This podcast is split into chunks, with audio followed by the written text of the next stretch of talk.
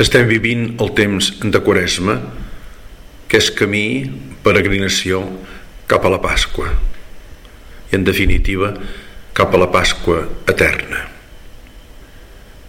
En aquest camí quaresmal ens hem de plantejar si ens anem assimilant a l'estil de Jesucrist, o sigui, si vivim els valors evangèlics.